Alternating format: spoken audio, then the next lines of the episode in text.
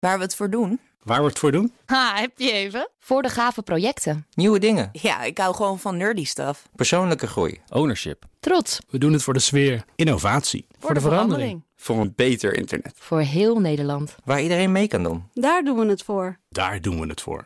Waar doe jij het voor? Kom werken voor KPN en groei op jouw manier. Check de actuele vacatures op het gebied van data, security, development en networking op jobs.kpn.com/tech. Wetenschap vandaag. Het is tien voor vijf. Vorig jaar voerde de reddingsbrigade een record aantal hulpacties uit. Vooral de sterke stroming in zeemuien zorgde voor veel problemen. Onder andere heel veel servers kwamen in de problemen, maar ook badgasten. Maar wat zorgde er nou precies voor deze gevaarlijke omstandigheid? Gaan we het over hebben met onze wetenschapsredacteur Carlijn Meinders. En ze is in de studio. Goedemiddag. Goedemiddag. Heb jij zelf wel eens vastgezeten in zo'n mui? Nee, gelukkig niet. Uh, ik heb wel eens, toen ik aan het surfen was uh, op Vlieland... iemand steeds verder richting Terschelling Oh. zien verdwijnen. Uh, maar dan heb je nog een plank Ja. om je aan vast te houden. Dus dat scheelt nog iets. Jullie, zijn jullie ooit in zo'n mui terecht? Niet dat ik me kan herinneren. Ik heb nog wel ooit een keer een Duitser gered... In, die in, een, eh, in Toscane in een mui terecht kwam. Maar die dreef ook verder weg. Ja. En, Hoe heb je die gered dan? Nou, omdat hij op een gegeven moment zag ik hem weggaan. En, en, en dat ging niet goed. Dus ben ik de zee ingedoken. Toen heb ik die man voor. Ben, ben je, ben je ook die mui ingedoken? Eh, ik ben aan de zijkant erin gegaan. Maar, ik, zonder, maar ja, wacht even. Dat klinkt heel eh, intelligent. Zonder dat ik het wist. Dus die, eh, de Ah. man van de reddingsbrigade zei daarna... u heeft geluk gehad. Dat denk ik ook in dit geval, ja. Ja. ja. Ehm, de zomervol reddingsacties, jaar geleden. Wat hebben we daar nou over geleerd? Ja, eh, onderzoekers aan de Universiteit Utrecht hebben hier uitgebreid naar gekeken. Waaronder kustonderzoeker Timothy Price. Vorig jaar waren er heel veel reddingsacties geweest langs de hele Nederlandse kust. Het was eigenlijk een record aantal reddingsacties vorig jaar. Ik heb het even opgezocht. Het waren er 562 langs de gehele kust. hè. En waarvan de 137 eh, vrij bedreigend waren, levensbedreigende situaties eh, konden zijn. Wat ook in het nieuws veel terugkwam, is dat er veel mensen waren eh, verdronken langs de Nederlandse kust in de zomer. Bijvoorbeeld op 9 augustus, dat is een dag die we in meer detail bekeken hebben. Want op die dag zijn er vier mensen eh, verdronken op dezelfde dag op eh, verschillende plekken eh, langs de kust. Ja, dat is natuurlijk interessant om naar te kijken. Zeker omdat het niet op dezelfde plek gebeurde. Dus wat hebben die verschillende gevaarlijke situaties dan met elkaar gemeen? Hoe ontstaan ze?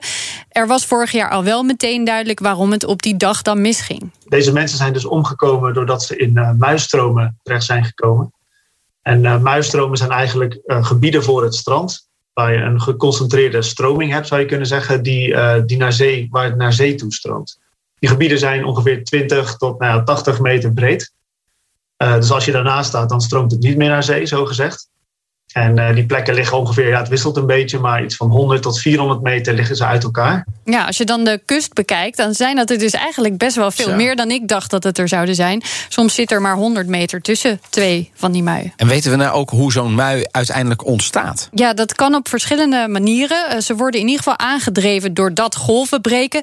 En het gebeurt vooral als, als die golven loodrecht op het strand breken. En doordat je dan eh, water krijgt aan het strand, dat water moet ergens naartoe. Eh, dus het moet terug naar zee. En dat kan ja, onder water, dus onder de golven door natuurlijk. Wat je vaak ziet is dat het ook eh, opzij gaat. Dus het gaat eh, naar plekken eigenlijk waar het, water net iets lager is. Omdat daar geen golven breken bijvoorbeeld. Dus dan stroomt het water daar naartoe. Maar als dan die, die waterstromen elkaar weer tegenkomen, dan, dan ja, botsen ze tegen elkaar op. En dan wordt het water zeewaarts gestuurd eigenlijk. Ja, dat kun je krijgen naast dammen bijvoorbeeld. Maar wij hebben langs de kust veel zandbanken... eh, die in ons geval de stroming dan beïnvloeden. Maar normaal gesproken dus gaan golven een beetje schuin. Het ligt aan de, de wind. Ja, precies. Maar rechtdoor? Rechtdoor, dan. Nooit erin? dan- nou, dan moet je gaan opletten in ieder geval. Ja. Ja. Als ze namelijk helemaal schuin gaan, dan is die stroming gewoon opzij. Oké, Dan kun je nog steeds met de stroming meegaan, maar dan krijg je niet van die muien. snap ik. Over die zandbanken, liggen die altijd op dezelfde plek?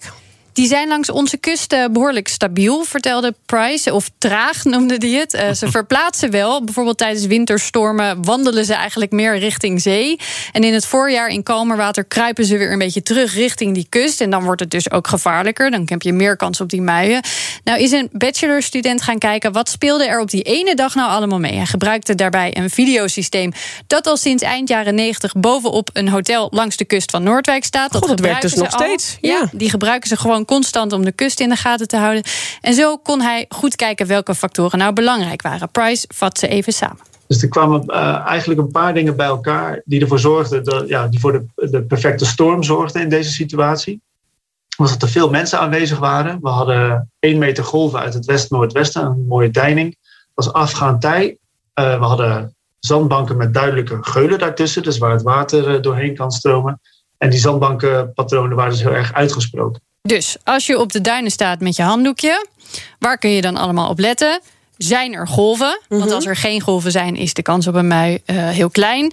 Slaan die golven recht op het strand of onder een hele grote hoek, dan is het minder gevaarlijk. En welk getij is het? Afgaand tij. Sterkere muien, dus daar moet je gewoon beter op opletten. Heb je dat allemaal gecheckt, dan kun je gaan kijken... kun je die muien ook zien? Dat is eigenlijk een stukje zee waar die stroming dan net weer anders is. Of waar je geen golven ziet. Dat kan net dat punt zijn waarop het de andere kant op stroomt. Lijkt altijd een heel lekker rustig stukje om in te zwemmen... omdat er geen golven zitten. Is het dus niet.